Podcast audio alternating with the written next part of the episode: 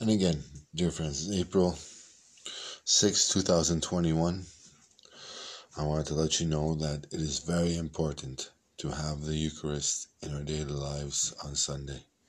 It's very important because it also sustains the world.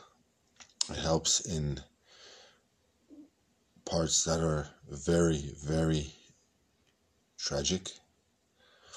It also helps to sustain the peace in the world. We need it as our human body needs it.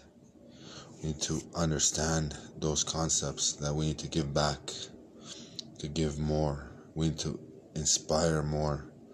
As Christians all around the world today, it is one of the most important, important aspects of our life to be there for Sunday Mass. I want you to all inspire in that, to take joy in that, to take faith to another level in that. I want you to all be happy about it because what God gives us is just phenomenal. What God sustains us with is just phenomenal.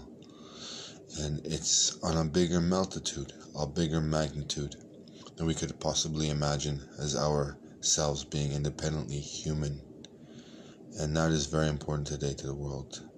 We need to all unify, unity, winning, teamwork, to all be there for all our friends, brothers, and sisters.